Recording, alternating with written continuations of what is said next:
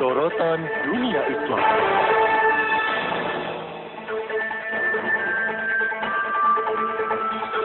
Juga dokter, saatnya kami mengajak Anda untuk mencermati ragam kabar seputar dunia Islam di berbagai belahan dunia pada pagi hari ini. Kami akan ajak Anda berbincang bersama dengan peneliti The Center of Islamic and Global Studies, eh, Bang Pizarro. Assalamualaikum, Bang Pizarro. Waalaikumsalam warahmatullahi wabarakatuh. Kabar baik pagi hari ini, Bang? Ya, alhamdulillah baik. Iya, Bang Pizarro, kita akan membahas terkait dengan proposal kesepakatan abad ini usulan Amerika Serikat untuk mendamaikan Israel dan Palestina. Sebelumnya mungkin bisa dijelaskan terlebih dahulu kenapa akhirnya Amerika Serikat bahkan mengeluarkan proposal kesepakatan abad ini, Bang? Iya, uh, proposal uh, kesepakatan abad ini nih yang diusulkan oleh Amerika Serikatnya sudah beberapa tahun terakhir ini dijajakan uh, ke dunia uh, Arab ya atau di Palestina. Ini dilakukan Amerika Serikat karena melihat kebuntuan uh, isu Palestina di Timur Tengah dan kita mengetahui bahwa lemahnya sekarang negara-negara Arab.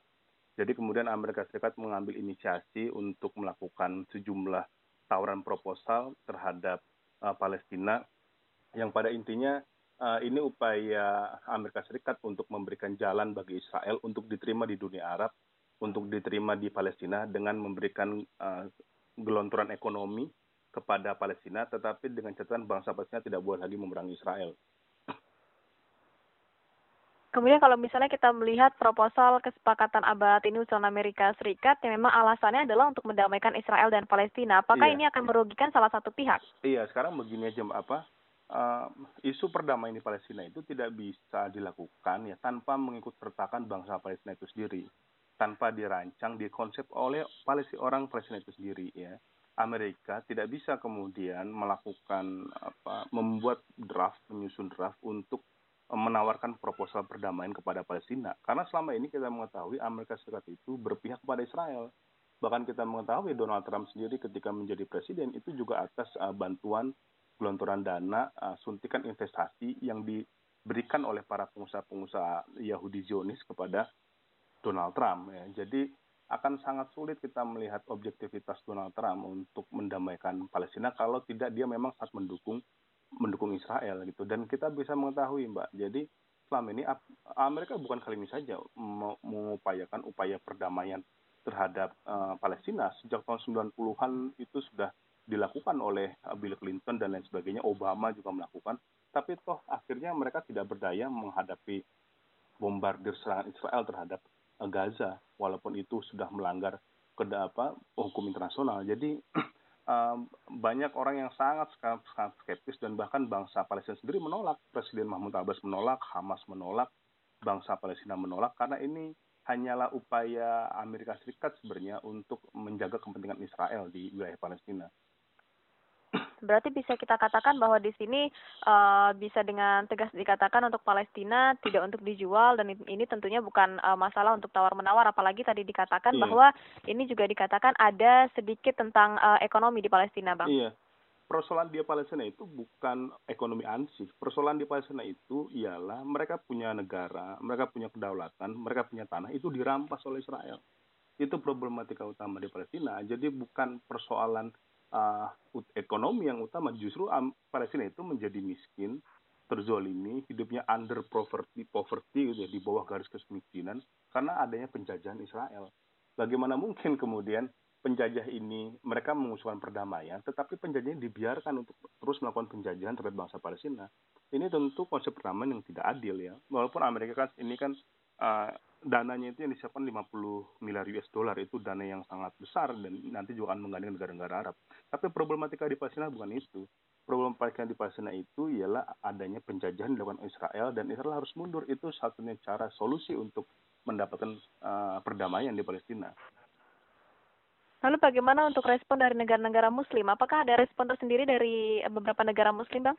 Ya, ini saya melihatnya sayangnya negara-negara Muslim tidak banyak bereaksi tidak banyak cukup keras menentang uh, proposal ini. Bahkan kita bisa melihat uh, komentar Arab Saudi sendiri semalam ya Menteri Luar Negerinya Adel Juber itu kemarin mengatakan keputusan akhir ada di tangan Palestina gitu ya. Dan apa kepus, apa um, tampak tidak begitu jelas untuk mengkritik sikap Amerika Serikat. Padahal uh, kita bisa mengetahui bahwa upaya perdamaian di Amerika Serikat ini hanya utopis. Seharusnya dari awal negara-negara muslim itu menolak ya melakukan uh, kecaman dan tidak ikut dalam nanti rencananya proposal kesepakatan abad ini akan diluncurkan di Manaman di Bahrain ibu kota Bahrain itu minggu depan nanti dan mbak kita bisa melihat itu konferensinya dilakukan di negara muslim di Bahrain seperti itu Hmm. di, Dalam di bulan ini berarti ya? pekan depan di pekan depan, Pekan depan. konferensi Manama di Bahrain di situlah Amerika Serikat akan mulai mengenalkan konsep kesepakatan abad ini itu terjadi di negeri muslim yang tidak jauh masih dalam satu kawasan Palestina ini yang sangat kita sangat apa meng- mengecewakan dan sangat memilukan hati bahwa uh, negara muslim sendiri menjadi tempat untuk uh, sebuah konferensi yang itu akan mem- melanggengkan penjajahan terhadap bangsa Palestina.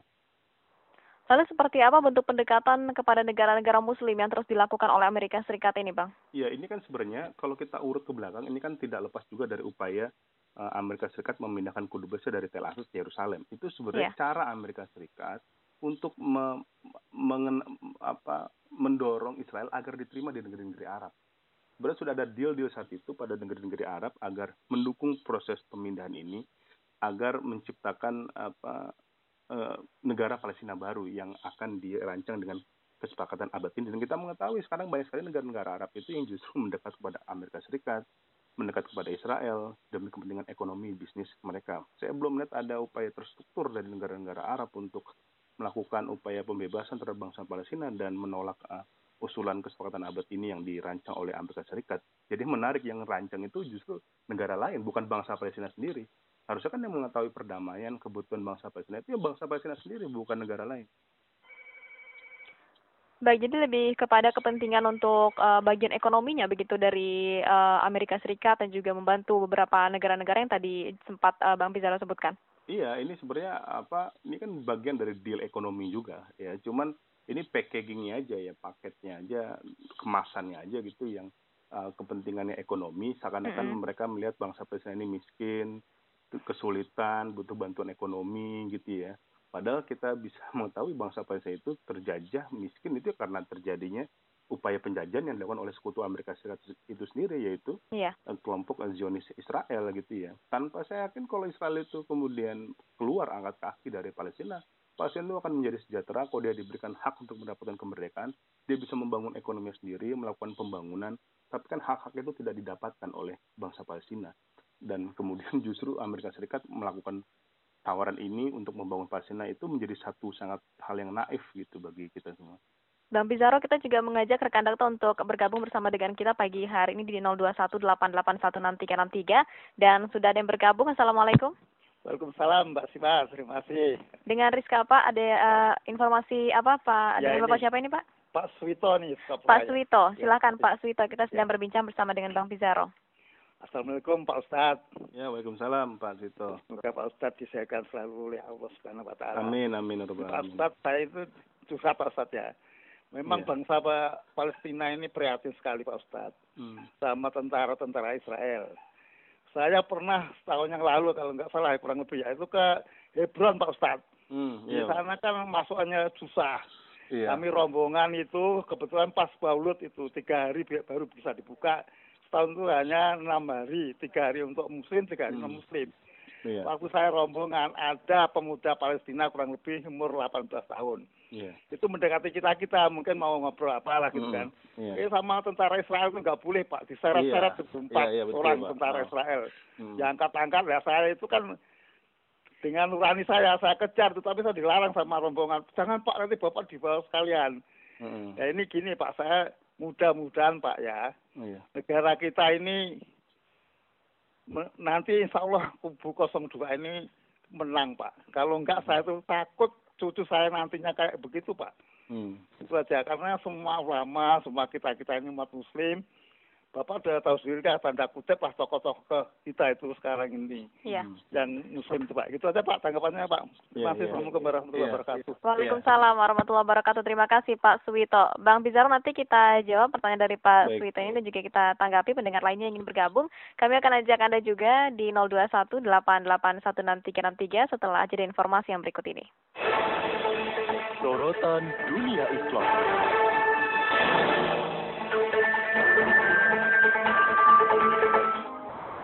Sayang, kalau kita nikah nanti, pengen punya rumah yang kayak gimana? Rumah. Belum kepikiran sih. Terus kalau kita nikah, nggak punya rumah, kita tidur di mana? Kan ada rumah mamah kamu. Ada satu kamar kosong kan? Nggak apa-apa kan? Masih nebeng di rumah mertua, kata siapa? Anak milenial nggak bisa punya rumah sendiri. Segera wujudkan impian punya rumah sendiri. Urusan biayanya, tenang, karena pemerintah punya solusinya. Lewat BUMN di bawah Kementerian Keuangan. Namanya Sarana Multigria Finansial atau SMF. Urusan punya rumah jadi mudah. SMF telah menyediakan pembiayaan yang disalurkan melalui bank dan multi-finance tempat kita melakukan KPR. Pengen tahu lebih lengkapnya? Kunjungi website SMF www.smf-indonesia.co.id Om penyiar, aku nikah sama om aja deh. Kayaknya lebih menjanjikan. Hah? Sorotan Dunia Islam. Rekan Dakta kembali kami mengajak Anda untuk mencermati ragam kabar seputar dunia Islam di berbagai belahan dunia. Pada pagi hari ini kita masih berbincang bersama dengan peneliti The Center of Islamic and Global Studies, Bang Pizarro. Kita masih membahas soal proposal kesepakatan abad ini usulan Amerika Serikat untuk mendamaikan Israel dan Palestina. Bang Pizarro? Ya. Iya, tadi sudah ada Pak Suito yang bergabung, Iya. bisa langsung ditanggapi, Bang. Iya, itu Hebron itu kan wilayah tepi barat ya. Palestina kan dibagi Gaza dan tepi barat saat ini ya. Yang seharusnya mereka bisa menikmati kedaulatan secara penuh, cuman hanya dua daerah ini. Di dalam proposal usulan Amerika Serikat ini ya tepi barat itu nanti uh, tidak mendapatkan kedaulatan yang sepenuhnya gitu. Sebenarnya sama dengan dengan situasi-situasi yang sebelum- sebelumnya gitu ya. Mereka dia nanti dibangun eh, apa ekonominya tetapi kedaulatan tetap di bawah tangan Israel. Jadi apa yang didapati Pak Suito pada hari ini itu tetap akan terus berlangsung ke, ke depannya karena wilayah kontrol udara Amer, apa Palestina, laut, darat itu tetap di bawah under occupy Israel, di bawah penjajahannya dengan Israel. Maka eh, proposal eh, Amerika Serikat ini tidak lebih dari eh, iming-iming ya, ya, mimpi Amerika Serikat ingin membangun perdamaian yang pada kenyataannya sebenarnya perdamaian itu tidak akan pernah bisa didapatkan oleh bangsa Palestina dengan konsep yang seperti ini. Karena kita mengetahui nanti sendiri ya itu faksi-faksi perlawanan di Palestina sendiri itu senjatanya dilucuti, tidak boleh di melakukan perlawanan, tapi di satu sisi Israel itu tetap punya kebebasan untuk melakukan uh, penjajahannya di wilayah Palestina. Tentara-tentara Israel itu bebas bergerak, bebas uh, melakukan aksi-aksinya, sedangkan faksi-faksi perlawanan Palestina itu senjatanya dilucuti. Maka ini suatu yang sangat tidak adil ya, bagaimana orang dijajah tapi tidak boleh melawan. Itu kan sangat apa uh, tidak fair dan tidak masuk akal sebagai sebuah perdamaian. Di belakang Pak Suito juga ada yang sudah bergabung kembali, ada Pak Selamat Asari. Assalamualaikum, Pak. Waalaikumsalam warahmatullahi wabarakatuh. Silakan, Assalamualaikum, Pak Selamat. Pijar. Bang Pijar ya. Iya, Iya. dengan Bang Pizarro. Assalamualaikum Bang Pijar. Iya, Waalaikumsalam, Mbak. Iya gini, saya mengamati ya umat Islam itu sendiri sekali gitu kan ya.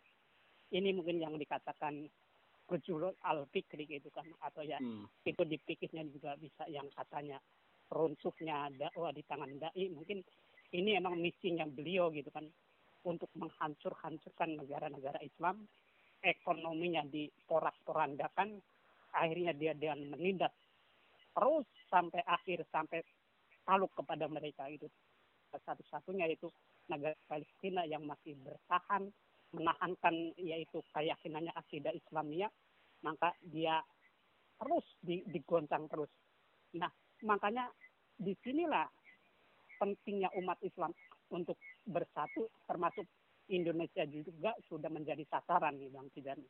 Jadi bagaimana nih di termasuk di Indonesia juga ekonominya nanti kalau udah dikuasai oleh mereka maka ya rakyat Indonesia tinggal gigit jadi tinggal kerja gitu kan sebagai kuli-kuli aja.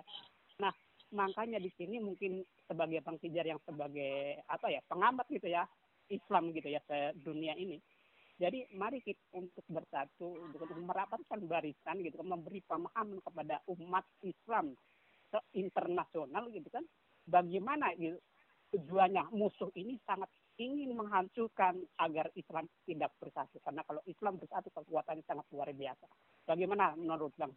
Terima kasih. Iya. Assalamualaikum. Waalaikumsalam warahmatullahi wabarakatuh. Ini kita juga mencermati eh, sedikit kembali terkait dengan eh, sikap dari Indonesia bagaimana dengan hal Iya. ini. Silakan Iya. Bang Pizarro. Iya, Bapak tadi menarik ya, apa misalkan mention soal persatuan dunia Islam gitu, Pak. Iya. Eh, perlu kita garis bawahi, Pak. Palestina itu kemudian terjajah bukan karena Israel itu kuat, Pak. Israel itu, eh, Palestina itu diserang bukan karena Israel kuat, tapi karena lemahnya dunia Islam. Yang itu yang terjadi hari ini pada dunia Arab. Kita mengetahui ya Mbak Rizka ya bahwa dalam proposal ini negara-negara Arab akan ikut serta dalam proyek Amerika Serikat untuk membangun Palestina. Nah, masuk akal tidak bagaimana ada negara-negara Arab itu ikut berkoalisi dengan orang-orang yang selama ini menjajah Palestina untuk membangun Palestina. Ini sama sekali tidak ter- kita terpikirkan kecuali sekarang kita hidup di akhir zaman. Dan negara-negara Arab ini kita mengetahui banyak dari mereka itu yang justru itu memerangi negara muslim yang lainnya. Banyak yang berdiam diri masalah Uighur, tidak ber, memusuhi Qatar, memblokade Qatar. Padahal Qatar itu saudaranya sendiri, tetangganya sendiri. Bagaimana mungkin negara-negara ini yang kita eh, dia justru banyak eh, bersinggungan dengan negara-negara berselisih dengan tetangganya ikut ingin mendamaikan Palestina sedangkan dia sendiri tidak bisa membangun perdamaian di wilayahnya sendiri. Jadi ini eh, kita sangat prihatin sekali dan betul ya bahwa tadi yang dikatakan Bapak tadi bahwa isu perdamaian ini memang tidak lepas harusnya dari persatuan umat Islam. Cuman kita sekarang kita melihat persatuan itu tidak terjadi gitu ya. Dan Indonesia sendiri kita juga belum melihat aksi-aksi yang nyatanya, aksi-aksi yang lebih real ya untuk membantu em, ikut apa melihat dalam konteks pers- persoalan seperti ini ya. Kita tentu kita berharap peran serta Indonesia yang lebih besar lagi, yang punya kekuatan lagi. Apalagi Indonesia sekarang menjadi anggota tidak tetap Dewan Keamanan PBB harusnya lebih speak up lagi dalam persoalan ini. Iya, kalau kita melihat dari Indonesia sendiri bagaimana tanggapan eh, dari pihak Indonesia Bang Pizarro? Ya kita saya belum melihat ada tanggapan yang lebih yang tegas dari apa dari Indonesia dan langkah-langkah nyata ya dalam uh, mengurai persoalan ini ya. Sejauh ini kita bisa melihat Indonesia ber- berjuang di forum PBB, di forum internasional memberikan bantuan gitu ya. Tetapi tampaknya itu belum cukup untuk menyelesaikan uh, perdamaian di Palestina. Menurut saya Indonesia perlu banyak merangkul negeri-negeri Muslim yang lainnya melakukan edukasi terhadap negeri-negeri yang lainnya, khususnya ASEAN, untuk mau berbicara persoalan ini ya. Tetapi kita bisa melihat ASEAN sendiri kita melihat banyak kasus uh, HAM di dalamnya ada kasus Batani yang belum terselesaikan, masalah Rohingya yang yang yang sampai sekarang masih terus berlarut-larut gitu ya. Ini menjadi tantangan tersendiri. Tapi Indonesia sebagai negara muslim terbesar, uh, kita harusnya bisa melakukan aksi-aksi yang lebih real, yang lebih nyata seperti dilakukan oleh Soekarno pada saat itu yang bersuara lantang mengenai Palestina. Begitu juga dengan masyarakat sipil, NGO-NGO-nya, saya lihat juga belum banyak yang bersikap dan bergerak atau menjadikan ini sebagai bahan kajian, padahal konferensi Manama di Bahrain akan berlangsung pekan depan dan di saat itu pula Amerika Serikat akan men- me- mempromot ya kesepakatan abad ini dan nanti akan diadopsi oleh oleh negara-negara Arab yang lainnya untuk uh, ik- apa, campur tangan dalam isu Palestina. Ini menurut saya menjadi harusnya menjadi uh, perhatian kita bersama sebagai negara yang diamanatkan oleh undang-undang untuk melawan penjajahan dunia dan mendukung perdamaian dunia. Apakah ada cara lain untuk menggagalkan upaya proposal kesepakatan abad ini yang diinisiasi oleh Amerika Serikat? Iya, sebenarnya banyak sekali upaya-upaya yang bisa kita yang bisa dilakukan untuk bersuara mengenai hal ini ya. Tetapi kita bisa mengetahui memang uh, tanpa ada solidi- soliditas uh, negara-negara Arab, soliditas negara-negara Muslim dan persatuan uh, bangsa-bangsa Muslim ini tampaknya uh, akan sangat sulit untuk menghentikan laju Amerika Serikat ini itu sendiri ya. Dan dan kita bisa melihat bahwa ini konferensi ini akan berlangsung pekan depan dan itu di Bahrain di sini menurut saya kita minimal kita bisa berbuat yang lebih real uh, di kalangan umat Islam untuk uh, me- menghentikan persoalan ini. Baik, Bang Pizarro, terima kasih sudah berbincang bersama dengan Radio Dakta pada pagi hari ini. Semoga apa yang disampaikan tentunya juga bermanfaat untuk kita semua. Selamat beraktivitas kembali. Assalamualaikum warahmatullahi wabarakatuh. Waalaikumsalam. warahmatullahi wabarakatuh.